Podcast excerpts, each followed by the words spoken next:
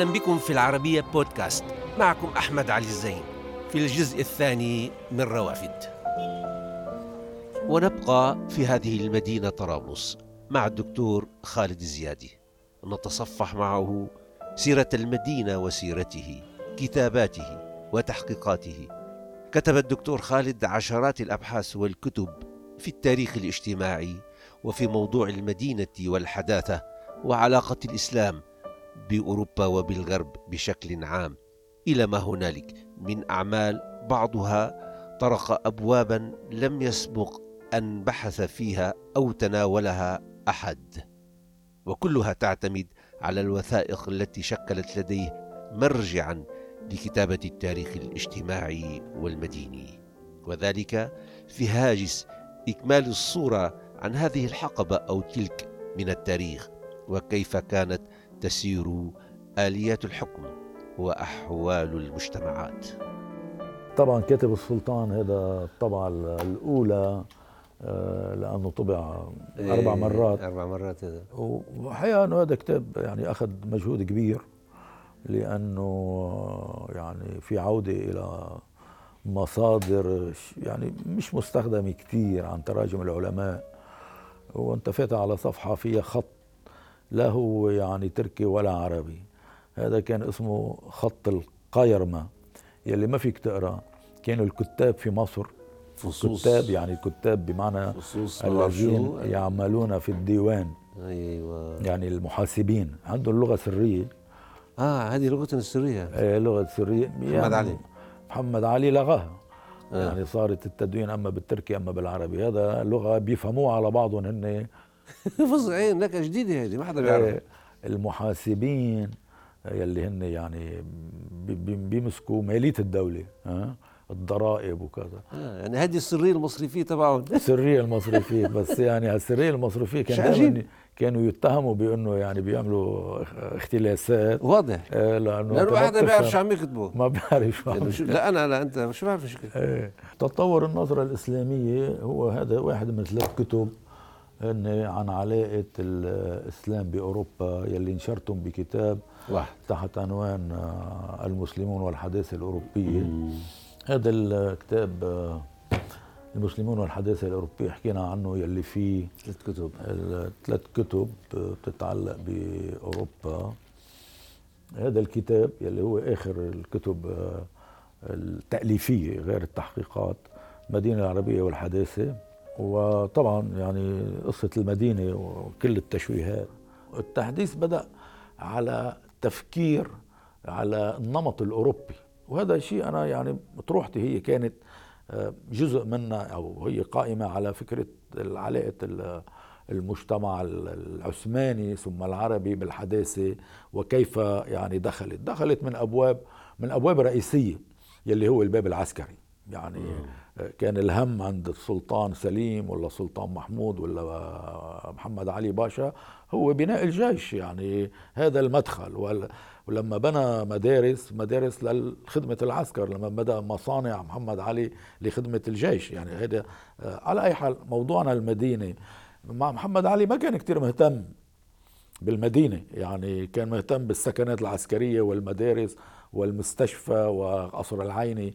لكن أيام إسماعيل يعني س- ابتداء من سنة 1863 إذا عم نحكي عن مصر يلي يعني نفس الشيء حدث في بيروت بنفس الفترة في الستينات القرن التاسع عشر بنشوف أنه التحديث هو تمثل لأوروبا وخصوصا أوروبا آه، فرنسا وخصوصا إسماعيل كان عم بيشوف ال- المهندس هوسمان اللي خطط باريس. الحديثة نعم. وشافه لهوسمان وقال له شو بدي أعمل إذا في تفكير وهو قال بدي أعمل باريس ال آه، ال- ال- الشرقية أو الصغرى مصر. في مصر. إذا بنشوف إنه في عقل جديد يلي هو إنه التخطيط وفقا لعقلانية مختلفة عن المدينة القديمة. إذا بنرجع للفقهاء في فقهاء كتبوا عن العمران آه، فقه العمران.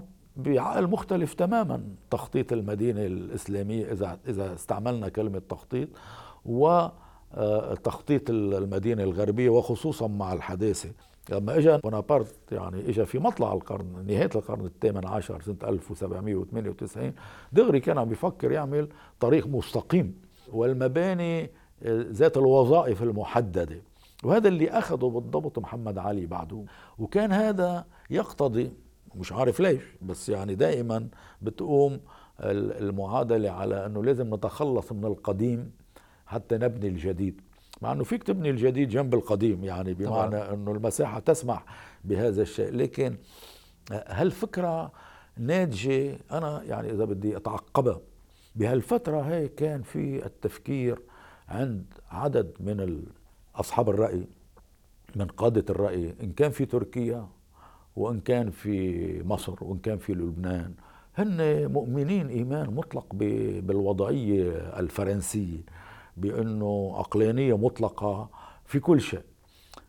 في شخص آه، مرق بطرابلس اسمه عزمي عزمي بيك وفي شارع باسمه.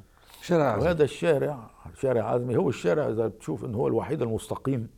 يعني خط مستقيم تماما لأنه عقله عقل فرنسي. ال ال الهي يعني الوضعية وكان بالاتحاد والترقي.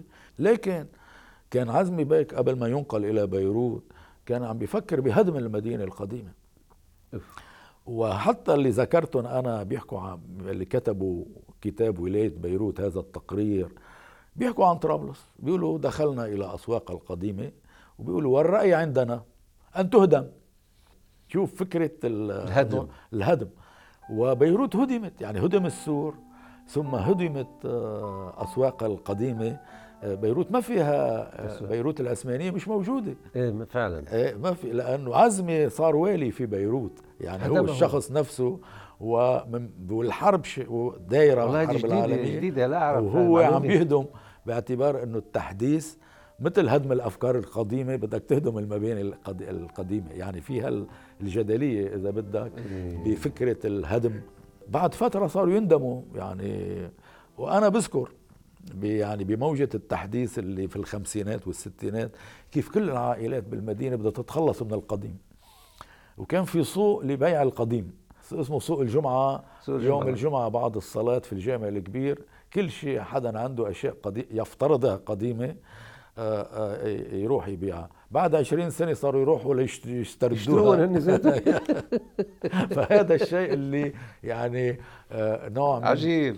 هذه لأنه تحديث استهلاكي مش تحديث ذهني يعني هو وثقافي. هذا هذا صحيح. نعم. يلي عم تتفضل فيه لأنه وهذا في مين كتب هالشيء بين إيدي كتاب مش معروف للأسف. كتاب من أهم الكتب أنا بعتبر اللي صدرت في مصر في القرن العشرين. اسمه في المسألة المصرية كتبوا صبحي وحيدي شخص مدهش عم بيحكي عن كيف نحن أخذنا التحديث المادي. سنة الخمسين كتبوا قبل الثورة يعني. وبعد موجة التحديث اللي شارك فيها مفكرين وسياسيين وإلى آخره. وبيعتبرها نوع من المراهقة إيه إنه هاي الحداثه اللي عم تستهلكها ما ما ساهمت ب إيه، ف... ما ساهمت فيها. أخذنا يعني المظاهر. تركب سيارة مش شغلها أنت مش أيه. أنت اللي عاملها أصلا. طبعا. فللأسف تأخر وهذا له علاقة بتأخر التعليم والإرادة السياسية. في في مسألتين يعني أنت ما بتقدر تعمل آه، يعني هذا التقدم بدون التعليم. اليابان ما عندها بترول. تعليم وليه مراكز أبحاث نعم ليه يعني حريات حريات التفكير. ف... آه، يعني هذه هي بنية متكاملة يعني ما فيك تجتزئ منها. الثاني بالحداثة انه الحداثة تجتزئ منها ما ييسرك أمرك اليومي نعم. وتهمل الأساس يعني أوروبا آه. لو ما كل المنظومة الفكرية اعيد التفكير فيها يعني الحداثه هي آه، سله متكاملة نعم آه، منها على كارت عم تأخذ اللي بدك نعم فعلا مين هي يعني بتأخذ لكن إيه. لكن اجت فتره اجت فتره وهذا المؤسف يعني هذا صرنا يعني المضحك المبكي. نعم. في إيديولوجيات مبنية على إنه الغرب يعني يختصر بالتقنية. نحن منا بحاجة الا إلى تقنيات وشو بدنا بافكاره وهذه تيارات إسلامية وغير إسلامية وقومية كانت تفكر بهذه الطريقة.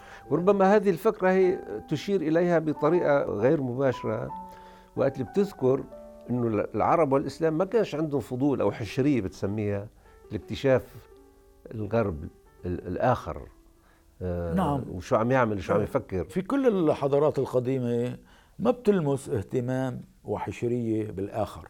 يعني في ثقافة متكاملة آه، مغل منغلقة كمان آه، علما إنه آه، حتى لا نتهم بالجحود الثقافة العربية الإسلامية كانت منفتحة انفتحت على اليونان لكن بنشوف الجانب الآخر المتعلق بمعرفة الشعوب.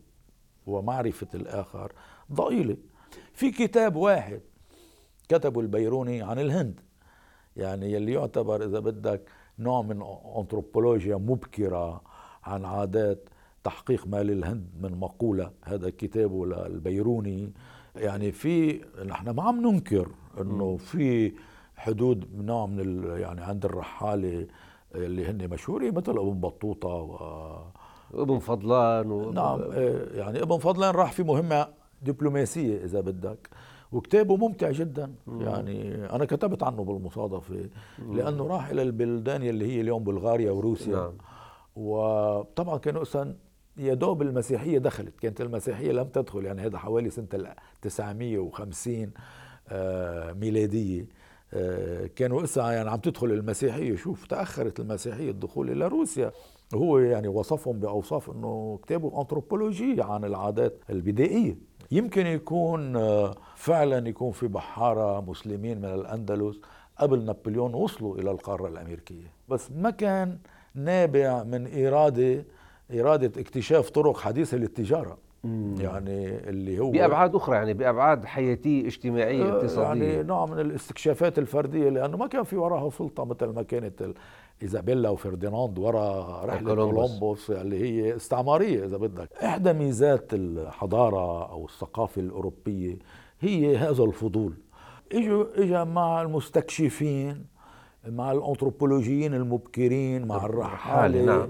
وثم صار في مدرسة يعني تأسست مدرسة الاستشراق يلي هو استشراق لا يطال فقط العالم الإسلامي في استشراق صيني طبعا وهندي طبعا. آه هو معرفة العوالم الأخرى. وبطريقهم الأوروبيين كانوا عم عم بينجزوا شيء لم تنجزوا الحضارات السابقة لهم وهو معرفة العالم. وهن صاغوا يعني صار في صياغة آه، العرب في القرن التاسع عشر صاروا يحكوا يعني بناخذ الطهطاوي الشهير يعني آه، ما كان يحكي عن الحضارة الإسلامية. بس لما تعرف على المستشرق سيلفستر ديساسي قال له في حضارة إسلامية وفي كذا فهو صار يعني يرجع كتب عن هذه الحضارة. بغض النظر عن التفسيرات خلينا يعني ناخذ الأمور بطريقة آه، من من طريق آخر. آه، اليوم في الجامعات العربية بنشوف إنه المتخصصين في اللغة الصينية أو اليابانية قله نادرة أو حتى الروسية أو حتى الفارسية أو يعني بينما إذا رحت بالغرب في أقسام قديمة يعني من سنة من من القرن السابع عشر كان في مستشرقين يروحوا على اسطنبول. تعلموا لغات العالم كلها. يعني عم بحكي اليوم ها ليش ما في هالرغبه بتعلم اللغات الأخرى؟ وخصوصا اللغات يعني لها يعني تعبر عن حضارات حتى ما حدا بيتعلم اللغات العربية القديمة. لكن كان في مستشرقين بيعرفوا السبئية واليمنية والنبطية وال يعني طبعا. آه ويلي هي كثير مهم لتفهم يعني تطور هذه اللغة. وهذا شيء آه، هذه الحشرية وهذا الفضول آه ما بنلاقيه عند يعني الأجيال الجديدة. آه، العرب يعني بيتوجهوا نحو الغرب لأنه الغرب يعني في صورة. يعني بيتعلموا لغات المستعمرين القدامى. آه. يعني بعضهم بيدوروا بفكرة الحداثة في استهلاك الحداثة وليس في نعود إلى نفس الفكرة نفس, نفس الفكرة. نعم. ونحن بإشكال يعني في في إشكال إن كان على مستوى الإنتاج الثقافي العربي يعني في ميادين المختلفه صحيح اليوم الرواية متقدمة إلى حد ما. آه، وهذه لها تفسيرات مختلفة ولكن هي عم بتعوض عن النقص في علم الاجتماع وفي التاريخ وفي العلوم الإنسانية عامة فضلا عن العلوم يلي هون الكارثة الكبرى. يعني مراكز أبحاث في فيزياء وشيمي وطب وإلى آخره شبه معدومة في العالم العربي ككل. في كتابين لهم علاقة بالانقلاب العثماني انقلاب 1908 على السلطان عبد الحميد. الأول هو اللبناني سليمان البستاني الشهير مترجم الإلياذة. لكن الناس قلة اللي بيعرفوا أنه كان وزير بسنة 1913 بإسطنبول الوزارة العثمانية. والكتاب الثاني كتبه فلسطيني معروف اسمه محمد روحي الخالدي. كلها كتب هي مدح لهذا الانقلاب. لأنه اللي قامت فيه الاتحاد والترقي على السلطان نعم. كانوا نعم. هذا كان يعني قريب من الاتحاد والترقي مم. هذا اللي كنا عم نحكي عنه أسعد داغر هذا أسعد داغر إيه؟ مذكراتي على هامش القضية العربية فشخصية روائية يعني بكل تأكيد آه ومثابر يعني بقي حامل هذه القضية كان بالشام لما اجى فيصل يعني شارك بالثورة يعني بالحكومة العربية خرج مع فيصل ولكن لم يعد إلى لبنان راح إلى مصر يشتغل بجريدة الأهرام. هذا هذا أسعد داخر اذا هو كتابه أهمية كتابه قائمة يعني غير شخص شخصيته. كتابه مهم لأن في نجد رواية آه، محايدة ونقدية لهذه المرحلة. اهتمامك بهالجانب ربما جعلك تكتب عن فيصل والملك فيصل اللي استلم نعم اللي استلم نعم بغداد العراق بفترة من الفترات. أنا كتبت هذه الرواية لم أكتب هي رواية تاريخية. و بعتقد إنه شخصية الفيصل من ناحية جذبتني للكتابة آه، شخصيته القلقة. يعني مش الشخصية الطاغية يعني شخص هو اللي كان صديق لورانس إيه طبعا هو, اللي كان صديق هو طبعا يعني هو شاركوا لورانس بهالمرحلة بين سنة ال 16 انطلاق الثورة العربية من مكة لدخول إلى دمشق. هو شخصية فريدة من نوعها يعني نعم. آه، ملك على دولتين يعني بيكون ملك في الشام بعدين بيصير ملك في العراق يعني هو وشخصية درامية فكرة حياته آه، فيها نعم فيها هو شيء في شيء من يعني عنده كان جاذبية إذا بدنا نحكي عن شخصه. في عنده جاذبية معينة يعني مم. عنده كاريزما مثل ما بنقول الآن هذا فيصل يلي كان شخصية بقي لحد وفاته شخص عنده يعني تدور حوله قضية العربية إذا بدك يعني نعم. يلي بيختلفوا معه يلي ما بيختلفوا معه كانوا يعتبروه هو رمز هال هالمرحلة هيدي نعم. وفاته يعني توفي 33 مبكرا يعني كان بالخمسينات يعني في أول الخمسينات نعم. أصبح وهذا هذا نلمسه في كتاب أسعد داغر يلي عنوانه مذكراتي على هامش القضية العربية. كان في بحث عن شيئين. أولا عن شخص وعن دولة. وبيحكي كتير عن يعني أنه نحتاج إلى إقليم إلى دولة تكون هي القاطرة هل هو العراق أم آه، الحجاز. أم مصر. دائما يعني تفكير العروبيين كان أنه نحتاج إلى دولة تكون هي القاطرة لا لا هيدي الثلاثية مدينة على المتوسط اللي هي عمليا عن طرابلس. و... هذه طرابلس العظيمة هون إيه. و... هذا ترجم كثير هذا الكتاب. ترجم ال ال الكتاب الأول اللي هو يوم, يوم أحد يوم جمعة. يوم جمعة يوم الأحد. ترجم لخمس لغات يعني إنجليزي وفرنسي وإسباني وإيطالي. هذا وقتها كان في موجة سيرة مدينة عبد الرحمن منيف كتب كتاب صحيح. عن عمان. هن كمان ترجم بنفس المؤسسة. نفس المؤسسة. آه، مؤسسة اسمها الأوروبية للثقافة. الدكتور خالد زيادي كما سلف الذكر هو من مواليد هذه المدينة طرابلس عام 1952 نشأ داخل أسواقها وحاراتها القديمة. وتعلم في مدارسها. ونستطيع القول إنه كبر مع المدينة في امتداداتها الحدثية والعمرانية. وهذا ما شكل مخزونا من الصور في ذاكرته عن مدينة لها طبقات في التاريخ ما بين مينائها الذي جعلها مركزا تجاريا على المتوسط ومحطة قطارها حيث كان يعمل والده. أنا والدي كان يعمل في موظف في سكة الحديد. في المحطة محطة سكة الحديد. اسمها هي الشركة آه، دي اش بي آه، دي اش بي هي داماس آه، حمص اي برولونجمون بتروح يعني هذا اسمها الفني كمان. اسمها المختصر يعني الفرنسي. وهي تأسست هي يعني الخط 1910 هي المحطة. طبعا لحد الحرب كان لسه القطارات بعض الهياكل الموجودة. هذا جزء من الذاكرة.